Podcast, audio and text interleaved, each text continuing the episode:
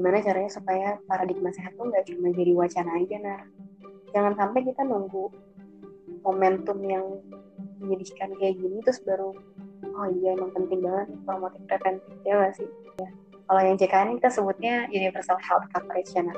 kita masih total coverage karena cakupan kepesertaannya emang banyak tapi yeah. lebih banyak anggaran dipakai untuk kuratif dan rehabilitatif betul betul betul preventifnya masih persentasenya masih kecil. Jadi untuk berubah perilaku kan butuh intervensi yang berkelanjutan ya Nar.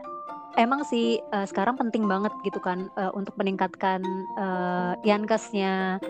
Rumah sakit puskesmas tes tes uh, PCR-nya juga dimasifkan lagi gitu. Tapi yang paling penting sebetulnya sekarang juga health promotionnya juga harus makin iya. ekstra gitu.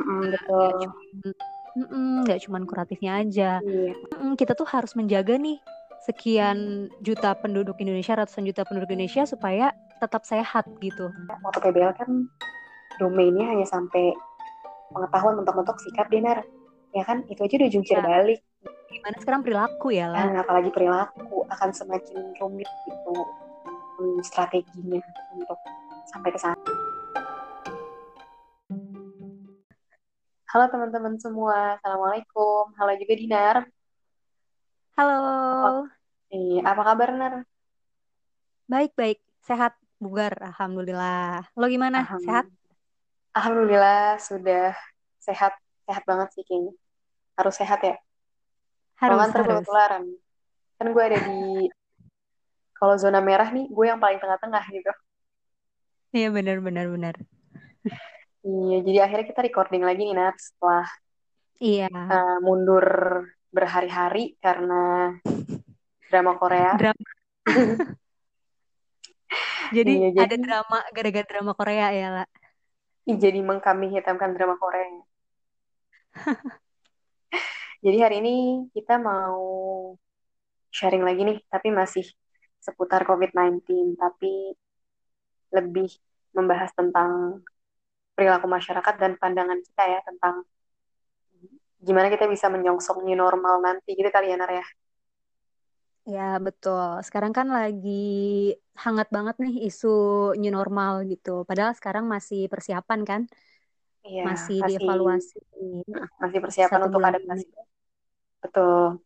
Iya, kalau betul. Di, kalau di Maret April Mei kemarin kan kita uh, menjalani masa-masa semi lockdown gitu ya atau istilah di Indonesia-nya PSBB, pembatasan sosial, pembatasan sosial berskala besar, yang tujuannya untuk melakukan pembatasan nih di beberapa kegiatan kayak kegiatan belajar mengajar sekolah, terus kantor berubah sekarang jadi kantornya di rumah, terus kegiatan keagamaan, sholat hmm. masjid juga bahkan nggak boleh gitu. Ba iya, dan, sholat id bahkan di rumah ya. Betul. dan jam operasional transportasi juga dibatasi nih. Iya. Ya kan? Nah, sekarang kita masih sebetulnya masih masuk masa PSBB ya, cuma namanya PSBB transisi ya, Nar. Transisi, betul. Betul. Uh, mungkin ini salah satu upaya pemerintah dalam memulihkan kondisi ekonomi kita ya, mulai semakin yeah. hari itu semakin memprihatinkan. Iya, iya. Makin hari udah mulai banyak yang teriak-teriak ya.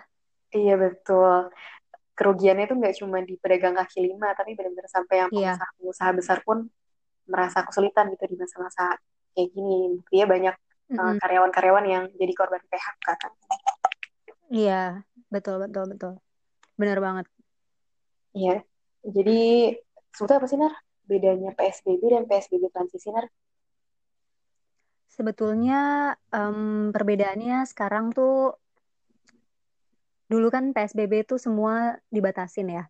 Betul, kecuali nah, beberapa sektor ya. Iya, beberapa hmm. sektor. Nah, di PSBB transisi ini um, semua pelan-pelan itu udah mulai berjalan hampir normal sebetulnya. Belum betul. masuk new normal soalnya kan? Iya, betul betul. Iya. Jadi uh, ini tuh sebetulnya uh, persiapan dari yang tadinya semua dibatasi ke normal baru gitu.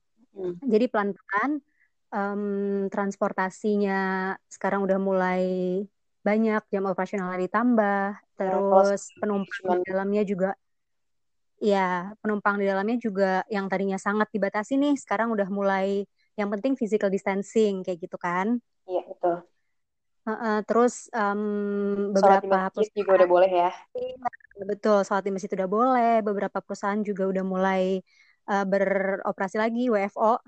Mm-mm, udah dari kantor lagi sekarang. Makanya di Iya. tanggal 5 Juni itu biasanya gue kalau berangkat kerja jalanan serasa punya gue. Sekarang Mm-mm. udah rame. Jadi sekarang tuh banyak temennya di jalanan. Udah macet lagi sekarang. Ya, Iya. kerasa. Kan sekarang uh, kalau misalnya di kementerian, Hmm? gue nggak tahu di semua kementerian atau enggak, tapi di salah satu kementerian dulunya Hmm? itu kan benar-benar shifting. Shiftingnya itu tapi um, paling satu apa ya satu bagian gitu itu tuh paling cuma dua orang atau tiga orang yang masuk gitu. Nah kalau sekarang uh, itu tuh udah boleh satu kementerian itu 50% yang masuk gitu. Oh iya benar. Berarti sama di perusahaan-perusahaan yang Hmm, lain ya. Kan aturannya iya, jumlah karyawan yang masuk tuh setengah-setengah. Yang setengah iya kerja betul. dari kantor, Mm-mm. yang setengah lagi masih WFH gitu ya. Mm-mm. Sekarang oj- ojek online juga udah boleh ya. Betul, iya. Kemarin gue juga pulang naik ojek online akhirnya. Dan kereta juga udah mulai, udah mulai normal. Kalau yang sebelumnya itu cuma sampai jam berapa ya? Bentar banget nih pokoknya. Karyawan-karyawan yang bekerja di sektor-sektor yang masih berjalan selama PSBB kemarin tuh sempat kesulitan banget tuh Nar, untuk Iya, pulang kerja dan berangkat kerja. Tapi sekarang udah mulai normal lagi. Uh, dan iya.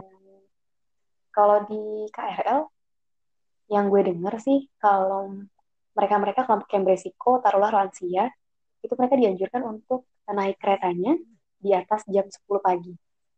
Dan jam Hmm, 10 sampai jam 4. Mungkin ini menghindari keramaian pas orang pulang dan berangkat kerja kali ya. iya iya. Soalnya orang berangkat kerja kan ya office Ah, hour. iya padat banget kan. Jadi kalau kebayang dong kalau misalnya Mm-mm. kelompok rentan ikutan nih sama muda-mudi berdesakan di kereta, kebayang kan? Iya iya. Mm-mm. Iya itu. Tapi tapi kalau kita lihat dari uh, PSBB transisi yang udah berjalan berapa hari nih kita Nar? Dari tanggal 4 ya? Tiga ya. Iya. Uh-uh. Mm. Dari- Eh, enam berarti. Dari tanggal 4. Sekarang 6 tanggal hari ya? 10 kan? Mm, Iya, betul. 6, 6. Heeh. Tapi kalau diperhatiin trennya dari tanggal 8 kemarin angkanya naik-naik ke puncak ya. gunung ya. Iya, Muncak sam bener mm, bener bener. betul-betul. Sampai hari ini terakhir penambahan kasusnya berapa sih, Nar? 1200 san. 1241 tepatnya. Wow, itu kayak rekor baru ya, jumlah segitu. Iya, rekor baru. Kemarin aja kita udah kaget nggak sih di atas 1000? Iya, iya, itu iya. Itu kayak, Ini wah, jangan-jangan ini karena PSBB gitu ya. iya, jangan-jangan karena uh, transisi nih, orang udah pada mulai keluar kan? Betul. Atau karena uh, tesnya benar ya udah makin banyak nih dilakukan Nah, pemerintah. bener. Jadi Salah satunya itu banyak juga yang bisa jadi sih. mm, banyak yang udah mulai ketahuan nih kondisi eh, apa sih angka kesakitan di masyarakat tuh udah mulai meningkat. Salah satunya mungkin karena tesnya makin banyak ya. Iya, jadi mudah lebih mudah diakses gitu. Jadi lebih banyak orang bisa ikutan tes gitu. Mm, mm, mm. Jadi ketahuan nih angkanya udah mulai Iya, naik-naik. Mungkin ini akan naik terus sih seiring penambahan jumlah tes. Maka kan semakin meningkat juga jumlah kasusnya menurut gue. Iya. Bahkan kita belum Sebetulnya, em, ya, iya bahkan kita belum ketemu titik puncaknya ibaratnya gitu kan. iya bener. Kita udah ketemu titik puncaknya. Makanya em, pakar-pakar itu sebetulnya juga kan banyak nih yang nanya ini eh, soalnya kan orang kan berkaca, bukan berkaca, melihat ke negara-negara yang udah mulai gelombang kedua gitu kan. Hmm, Mereka betul. yang tadinya PSBB eh, terus sudah dicabut nih PSBB-nya Eh, terus di ternyata luar gelombang negeri nggak. PSBB dong, benar? Oh iya, iya ya, di luar negeri nggak PSBB. Tapi Eh, pokoknya ada, lockdown gitu ya. iya, sorry, Iya, nggak apa-apa. Ini banget ya. ya gitu. Korea itu kan sebenarnya mereka nggak lockdown, mereka nggak Mm-mm. nggak PSBB juga, tapi mereka tuh cepat nih nanganinnya. Betul, Akhirnya sampai, masif ya. iya benar, mereka itu eh, dari tes masif di eh, dari awal gitu. Kalau kita tuh kurangnya itu karena Agak kita terlambat ya. tiga bulan, iya agak terlambat tiga bulan. Sekarang kan jalan tiga bulan ya dari?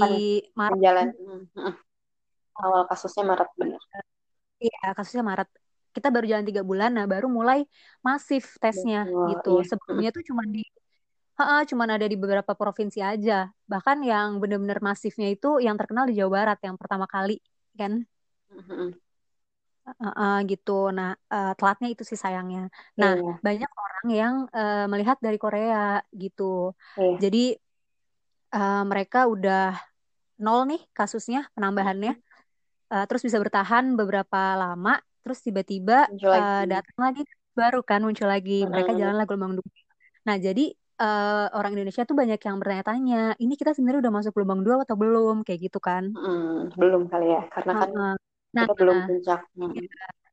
ya bener. Makanya uh, tadi sempat nonton juga nih, uh, salah satu pakar bilang kalau sebetulnya um, bingung juga mau dibilang gelombang dua nih, karena kita Mm. PSBB juga kemarin belum kelar, ini udah mau di masa transisi dan udah mau dibuat new normal gitu. Betul. Belum ada penurunan kasusnya gitu. Jadi ya kenaikan kasus ini juga belum bingung gitu mereka mau bilang ini gelombang dua atau bukan gitu kan. Mm, Betul, betul. Uh, kalau di kita ingat-ingat lagi dulu kan ada wacana sempat relaksasi PSBB itu ya, Nar, yang wacana-wacana banyak. Pasti lo sering dengar dong tentang relaksasi PSBB. Iya, iya. Nah, itu kan di Jakarta awalnya pengen dilakukan itu. Kalau yang gue baca-baca itu, salah satu pertimbangannya adalah, itu kalau nggak salah di bulan April deh. Beberapa hari itu trennya naik terus, angkanya fluktuatif, tapi nggak pernah lebih naik dari 200. Akhirnya kenapa? Kemudian Hmm, iya. kayaknya udah mulai, Ada mm, udah mulai bagus lah, memperlihatkan tren yang uh, menggembirakan gitu. Eh, tiba-tiba kemarin tanggal 8 meledak lagi yang kayak 200 artinya ini kan masih naik lagi nih kita belum ada di situasi yang aman kalau mengacu iya. uh, dari apa syarat implementasi new normal WHO gitu Hmm. Uh, itu salah satunya kan um, pemerintah itu harus menggelar tes secara massal minimal tuh satu persen jumlah penduduk kalau nggak salah ya Mm. Iya, iya. iya uh, misalnya kalau di Jakarta ini 10 juta 10, koma sekian juta lah berarti uh, tes mas tesnya yang harus dilakukan itu minimal ke 100 ribu orang Sat- Nah, Iya. dan kalau yang udah gue lihat di berita nih uh, udah diklaim mereka lebih dari 100 ribu sih 100 sekian ribu 100 berapa ya Nar? 100 Terus berapa?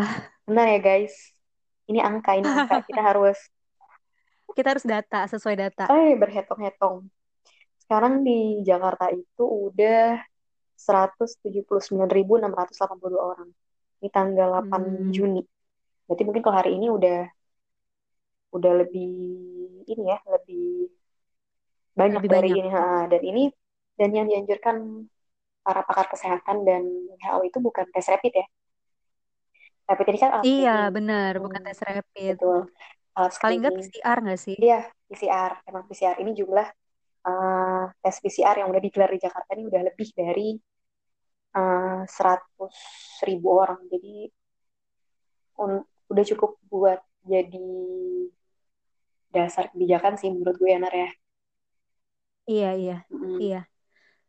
Mm.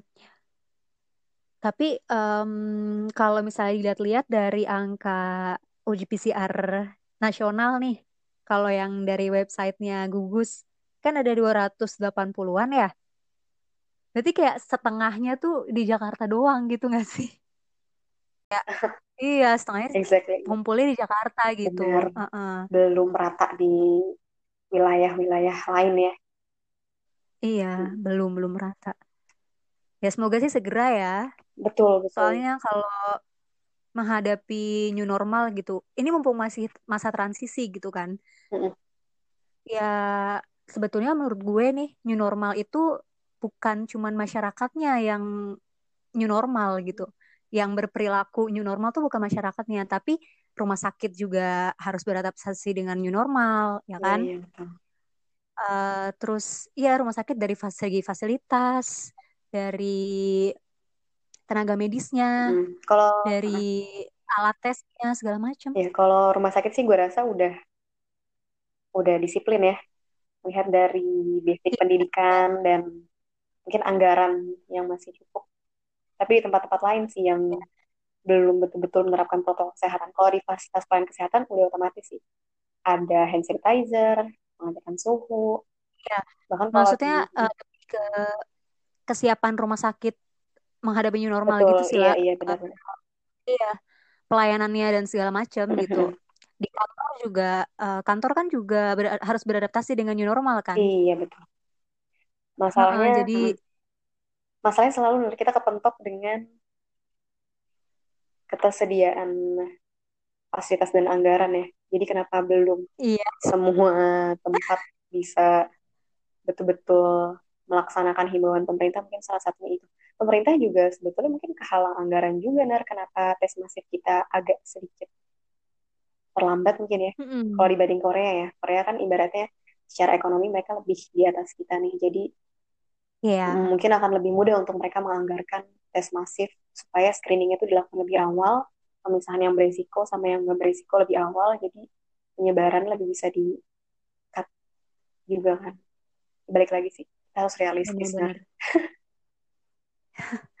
iya Indonesia mampunya segini eh, iya, gitu benar, kan. Iya. Tapi ya itu sih maksudnya um, sekarang nih di masa transisi ini hmm? gitu. Kita kan udah iya di masa transisi ini masyarakat kan udah tahu nih um, Indonesia mampunya segini gitu pemerintah kenapa mengeluarkan kebijakan ini pada akhirnya ya karena pemerintah juga punya reason kan betul ngelihat uh, ngelihat masyarakat yang ekonominya udah mm. kayak sekarang Menjadi, gitu iya, mau mau kita ya. harus kayak gini mm.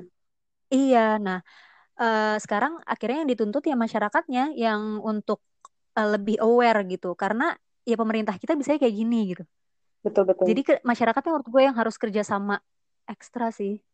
Iya benar masyarakat. Tapi sebetulnya ini peran pemerintah juga sih Nar ya. Kalau dipikir-pikir karena kan iya, iya. kita tahu nih di masa sempit kayak gini, anggaplah ini masa sempit ya. Serba kepentok ekonomi iya, mau fokus kesehatan ekonominya begini, mau fokus ekonomi ntar penyebaran yang selesai-selesai. Jadi emang satu-satunya penolong yeah. menurut gue itu cuma perilaku masyarakat. Mau sebagus apa pun kebijakan pemerintah, kalau perilaku masyarakatnya masih memprihatinkan hmm. itu menurut gue akan agak sia-sia ya. Kayak yang di Korea itu kan dia yeah, muncul pasar baru karena salah satunya itu perilaku masyarakatnya yang udah mulai abai ini dengan protokol kesehatan. Gitu. Korea loh, betul, Korea betul, yang betul. udah ibaratnya ya lumayan sukses lah, itu ya. ya lumayan sukses ya kalau dilihat-lihat perilaku masyarakat kita tuh masih abai banget lah Nar.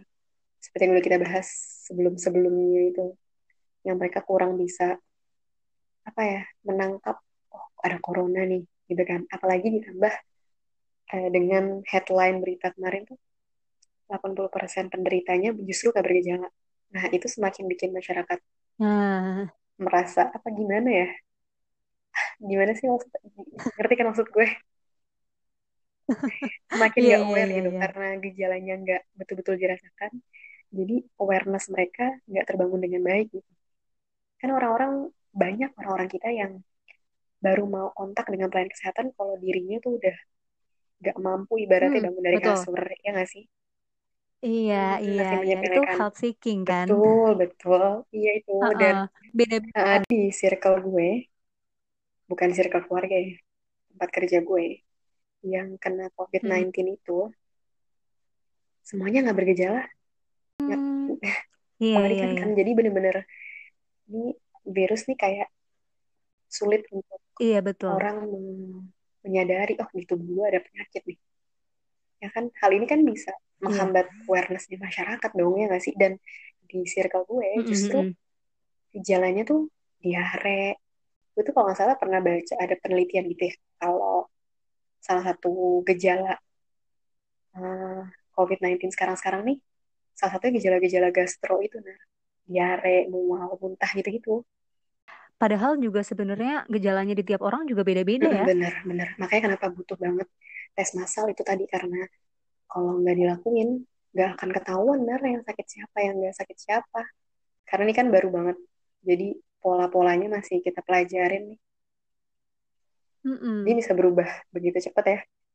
Agak kagum juga gue sebetulnya. Adaptif banget ya dia ya. Dia tuh dia tuh lagi kita entahlah ngomongin. sebenarnya kayak lo tuh siapa iya, sih sebenarnya ya. gitu kalau bisa ditanya iya benar dan iya, oh iya kok belum belum. sih kalau di Kementerian Lingkungan PNS kayaknya udah di gue dengar sih udah beberapa kali ya. Udah, udah kok iya. pasca lebaran kemarin Iya. itu.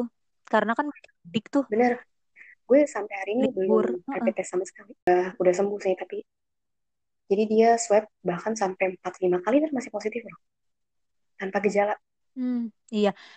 Heeh, heeh. Tapi emang iya katanya em, emang kenapa di swab nggak hilang-hilang virusnya tuh karena memang berdiam diri gitu ya? virusnya tuh dorman gitu? iya berdiam diri dan tidur gitu kali ya? Uh, uh, uh, dan iya terus mereka tuh kayak akan sembuh sendiri sebetulnya ah iya karena virus sih. Gitu. prinsipnya Karena kan virus, self limiting disease gitu ya? Iya self limiting karena mereka self limiting itu. Makanya em, beberapa kali di swab tuh ad- kok masih ada masih ada virusnya gitu. Makanya antivirus nanti yang lagi diusahakan Hmm. ini itu mm, kalau menurut pakar mereka tuh nanti emang kerjanya uh, untuk memendekkan umur si virusnya Oh, gitu. jadi iya. Iya antivirus yang sampai hari ini belum masih diusahakan iya benar benar benar dan balik lagi nih Nar kita ke perilaku Nar. Terbahas tentang iya iya nih ke perilaku. Iya perilaku masyarakat nih. Em, gimana ya? Menurut gue masyarakat disalahkan sepenuhnya juga nggak bisa ya Nar karena balik lagi. Ini gue kayak bahas Ebola gue kemarin ya. Dengan himbauan aja tuh gak cukup loh untuk merubah perilaku masyarakat ya nggak sih Mm-mm, Hmm. upaya kesehatan masyarakat yang tujuannya untuk memodifikasi perilaku kan butuh waktu yang panjang, Nar, ya nggak sih? Untuk mengubah dari iya iya pengetahuannya, kemudian sikapnya, kemudian perilakunya kan butuh waktu. Jadi kalau masyarakat yang perilakunya belum baik, terus tiba-tiba diberi himbauan, menurut gue akan susah gitu loh untuk mereka tiba-tiba 180 derajat berubah iya jadi berperilaku hidup bersih dan sehat. Agak sulit sih. Mm-mm, benar Mm, benar. Apalagi di kelompok masyarakat yang di strata sosial ekonomi tertentu ya, yang terbentuk iya iya sama nggak punya fasilitas, nggak punya masker, nggak punya uang buat beli ini, beli itu ya kan. iya Mm-mm. dan tingkat pendidikan juga Nah, ngaruh iya kan betul. sebetulnya Tingkat pendidikan mempengaruhi kesadaran dan awareness-nya mereka ya tentang pentingnya. iya Iya, ini iya kalau kita ambil salah satu teorinya nih, yang help belief, masih ingat dong. help belief masih ingat insya Allah Kan kalau di teori itu dijelaskan nih bahwa perilaku masyarakat itu dipengaruhi banyak faktor.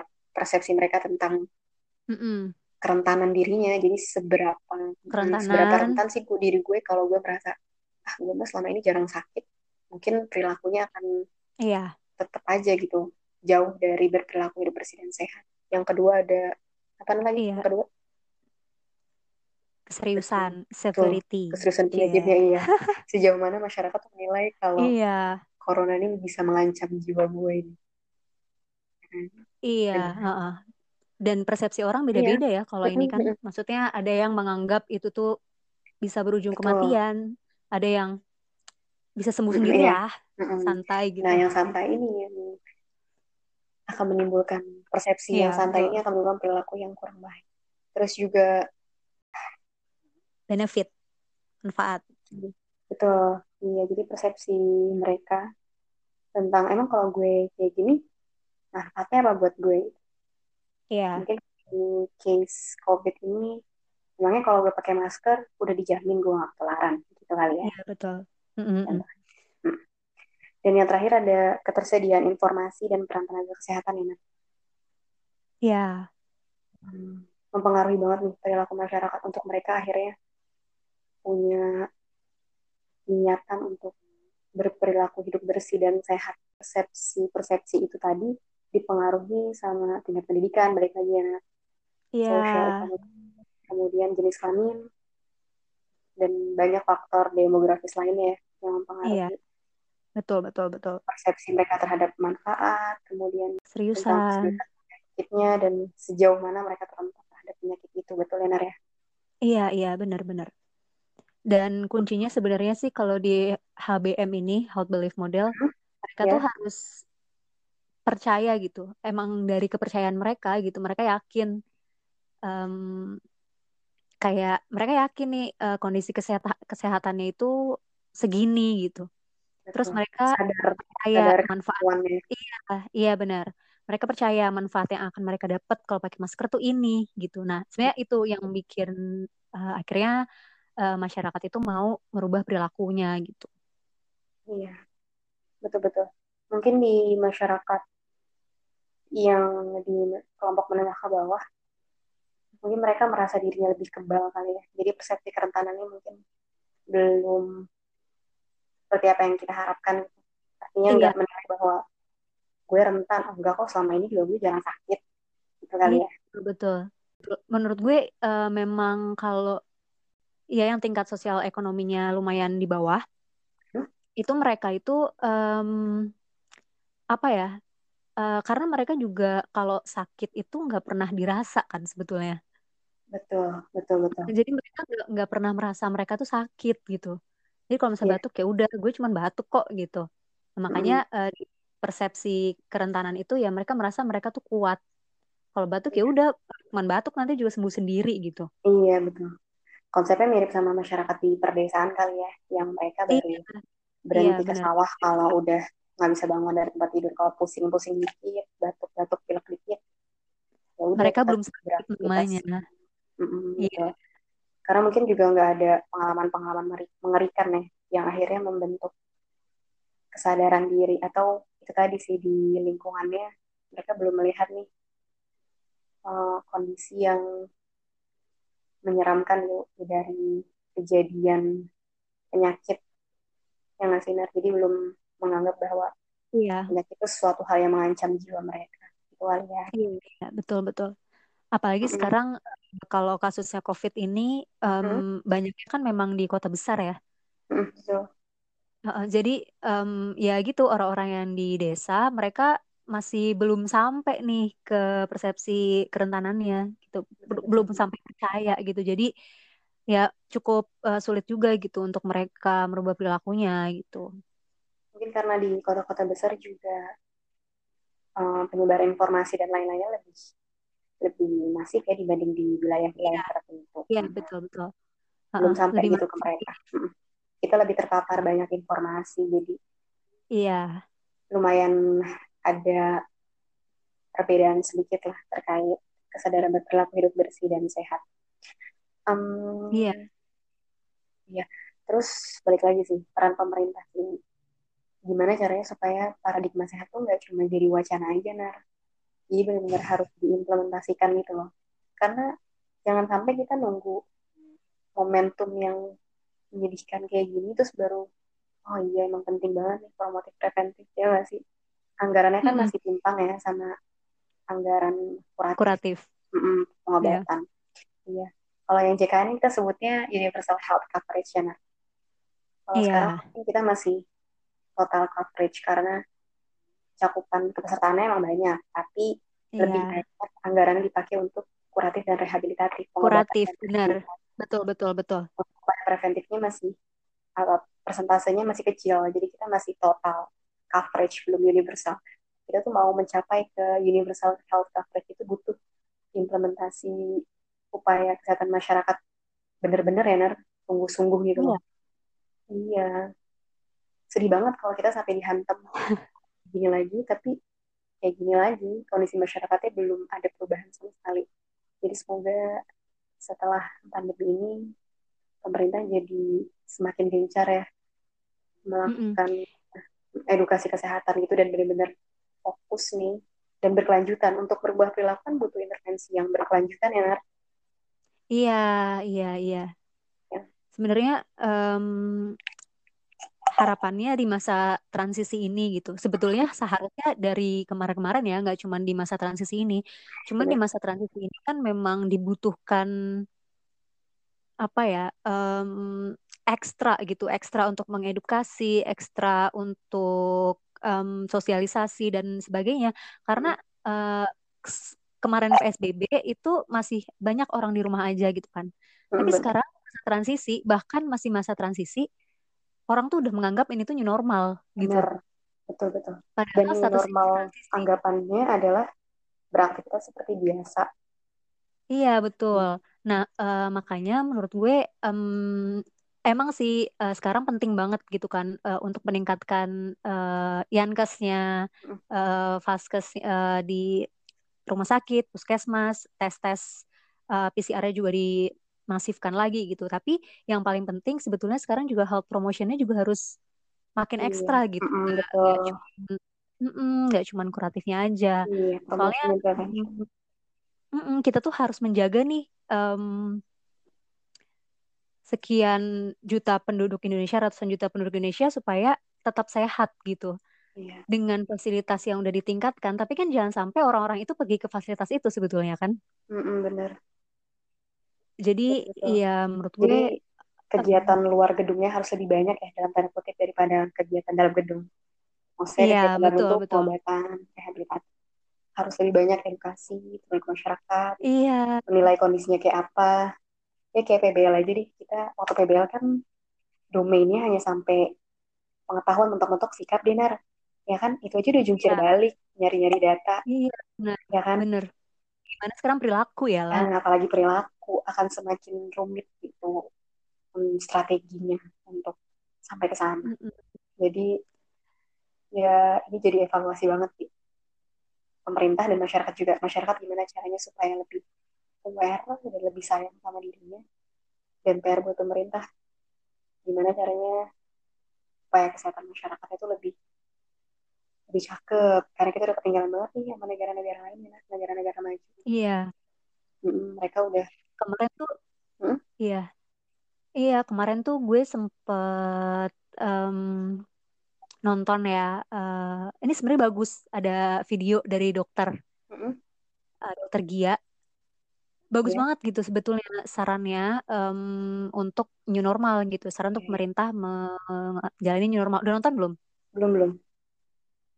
Jadi tuh uh, dokter Gia tuh kayak kasih saran hmm? um, masyarakat Indonesia tuh nanti uh, tes massal kan? Hmm, tes massal hmm. terus dikasih gelang gitu. Dikasih oh, gelang. Betul. untuk menandakan gitu ya? Untuk menandakan kayak gitu kan Terus gue baca-bacain komennya kan. Jadi tuh komennya tuh ada yang bilang, aduh, uh, udah tahu masyarakat Indonesia tuh pinter banget. Itu apa nggak bakalan tuker-tukeran gelang sesuai kebutuhan? iya bener-bener bener. Dan bisa jadi buat mereka-mereka yang takut untuk melakukan PCR gitu kan karena pengambilan sampelnya mungkin agak lebih sakit.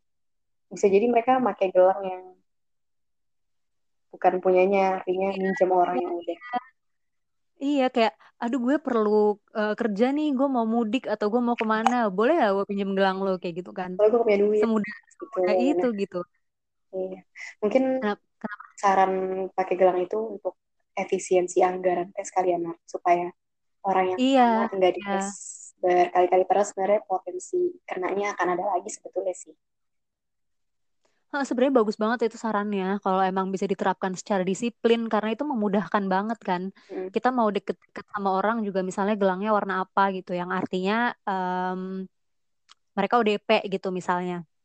Ya kita kan bisa bisa bisa jaga-jaga, bisa jaga jarak, bisa ya gampang lah gitu untuk mantau gitu kan sebetulnya. Mungkin, Tapi Iya, tapi kan realisasinya lumayan ini ya, Sulit. mengingat karakter orang Indonesia. Nanti malah muncul problem baru di masyarakat. Wah gila, gelangnya dia merah cuy. Jangan deket-deket. Ya sih? Nah, sebenarnya itu nggak sih PR juga tentang stigma karena sekarang sekarang aja uh, jangankan uh, positif COVID ya, PDP aja kena stigma sekarang. Benar-benar. Jadi tuh Iya, jadi PDP PDP tuh udah kayak sebetulnya kan uh, ada protokol rumah sakit yang pasien PDP kalau belum diketahui nih masih PDP belum dikata belum diketahui secara pasti statusnya positif atau negatif, mereka itu kalau meninggal hmm? dikuburkannya kan sesuai iya. protokol COVID kan. Hmm, betul. Nah, karena stigma PDP yang menurut gue negatif banget di sebagian kelompok masyarakat sekarang banyak banget kan yang kabur. maksa bawa kabur jenazah dan segala macam. Itu sebetulnya miris juga gitu. Benar-benar gue takutnya itu beneran positif aja. Dan peran tokoh masyarakat dan tokoh agama sih penting. Tokoh masyarakat kayak RT RW-nya kadang RT RW-nya suka ikut-ikutan nah iya iya betul. Benar jadi ya sebetulnya dari pengurus yang terkecil dari ketua RT ketua RW itu perannya menurut gue gede banget sih. Masyarakat itu ya, lumayan lah maksudnya. Untuk mengajak masyarakatnya tuh iya kayak kayak kalau di daerah gue ya setengah-setengah gitu loh ketua RT ketua RW iya iya. Ngikutin anjuran pemerintah. Di satu sisi mereka dilema karena merasa ih kok gini ya? Gitu. tapi di satu sisi oh, tapi gue ketua RT nih gitu. jadi masih setengah-setengah nah uh, ketegasannya gitu. Iya. Karena mereka kan orang yang disegani sebetulnya kan benar. kalau kalau di desa-desa hmm, Kepala perangkat desa. itu sangat benar-benar iya. Iya. Ya gue berharap sih em, evaluasinya tuh tetap ongoing gitu. Iya. Kan transisi ya juga benar. masih lama ya. Mm, Mm-mm, masih lama. Ini jadi sampai. ya bisa dilihat lah ini sampai dievaluasi terus. Betul sampai Juni kan ini diagendakan itu sampai akhir Juni. Terus mm-mm, nanti betul. dievaluasi untuk kita masuk ke fase transisi yang kedua. Yang mana sekolah Mm-mm. udah mulai dibuka lagi nih. Kalau yang transisi pertama ini berhasil. Kalau transisi pertama ini mungkin hasilnya nanti kurang baik ya. Karena tiga hari ini trennya cukup menakutkan kan kenaikannya iya. Hmm, cukup lumayan ya. Iya. Sebetulnya kalau sekolah em, beberapa daerah udah ada yang mutusin untuk Januari baru mulai oh sih. iya. Karena em, kepala IDAI-nya ah kan iya benar. setuju kan? Ketua iya benar-benar kepala. Ketua mereka iya. ajurannya kan Desember Januari ya? Benar-benar iya. Iya karena itu lagi sih Nar, balik lagi karena ini namanya pandemi ya di mana jadi iya dan itu dia waktu ini lama transmisi nggak bisa diprediksi. Mm, iya benar-benar betul. Kayak ada lagi ada lagi gitu ya. Iya dan karena nggak bisa diprediksi itu kita nggak tahu itu virus ada di mana gitu. Mm. jadi kuncinya adalah eh, anggaran tes masif Mm-mm. dan perilaku masyarakat. Tes masif perilaku iya. Perilaku tuh sebetulnya kalau emang bisa masyarakatnya bisa kerjasama ya Mm, dengan baik mm. Menurut gue. Iya cukup banget itu. Karena lebih dari kalau cukup. iya karena kalau perilakunya tuh udah bener-bener bisa em, sesuai protokol insya Allah penambahan kasus nggak nambah ya fasilitas kesehatan tuh ini lagi gitu em, steady lagi gitu Benar. apa ya? Pun kalau misalnya nambah mereka angkanya itu masih eh, ada di dalam kemampuan fase pelayanan kesehatan gitu dalam penanganannya ya kan? Artinya masih iya di iya. Kurvanya tuh masih aman. Pelayanan kesehatan tuh masih mampu untuk menangani. Jadi nggak ada yang apa namanya terlantar ibaratnya pasien-pasien yang akhirnya lewat gitu aja. Kan itu. Sebetulnya kalau untuk menghilangkan banget mungkin enggak. Tapi gimana caranya supaya penambahan kasusnya bisa dikendalikan biar fasilitas betul. kesehatan tetap betul. mampu melayani yang sakit bisa diobati dengan maksimal jadi kemu apa kemungkinan sembuhnya akan lebih besar gitu kan. Gimana caranya supaya mereka orang-orang tenaga kesehatan ini enggak nggak kecapean nggak iya betul betul. Itu kuncinya sih karena kalau pandemi gini untuk nol agak agak agak hah? Susah. Ah, ya benar apakah bisa gitu apalagi belum ada vaksinnya. Mm, benar iya. Semoga tren peningkatan kasus tiga hari ini nggak berlangsung terus-terusan ya? Iya amin. besok-besok angkanya mulai menurun gitu masyarakat mulai sadar nih karena ngeliat angkanya yang terus naik. Jadi bisa kooperatif iya. ya kan? Benar-benar em, membiasakan diri untuk menghadapi new normal yang akan datang nanti gitu. Iya benar. Benar-benar membiasakan membiasakan hal baru iya. gitu dari pemerintahnya dari eh, vaskesnya masyarakatnya dari lingkungan kerja juga gitu. Karena lingkungan kerja yang positif menurut gue maksudnya positive vibes Nah, iya iya.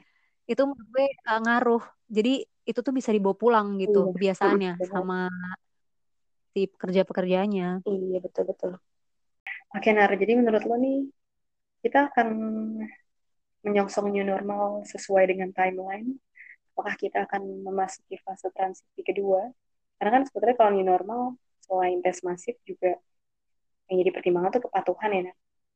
Karena kalau mas tesnya masif, yeah. tapi kepatuhan masyarakatnya masih rendah, akan sangat riskan kalau untuk diterapkan new normal, ya nggak sih? Iya, betul. Iya. Sebetulnya uh, kebijakan pemerintah ya, apa pun kebijakannya, hmm. Kalau masyarakatnya nggak patuh itu akan uh, susah buat kita itu mencapai apa yang kita harapkan hmm. gitu kan. Iya.